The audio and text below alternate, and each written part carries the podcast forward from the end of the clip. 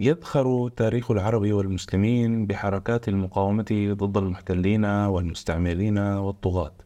كما تحدثنا الوقائع أن شعوب العرب والمسلمين كانت رديفا هاما وفاعلا في حركة المقاومة التي تحصل دائما فلم يكن يترك شعب من الشعوب وحده دون نصرة.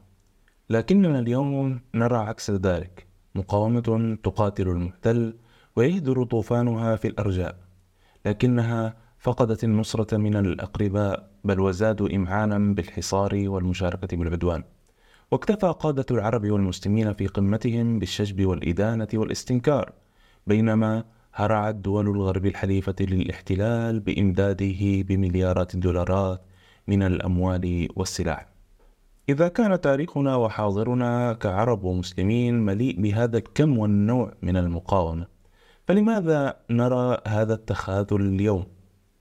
أنا تمام أبو الخير وهذا بودكاست طوفان.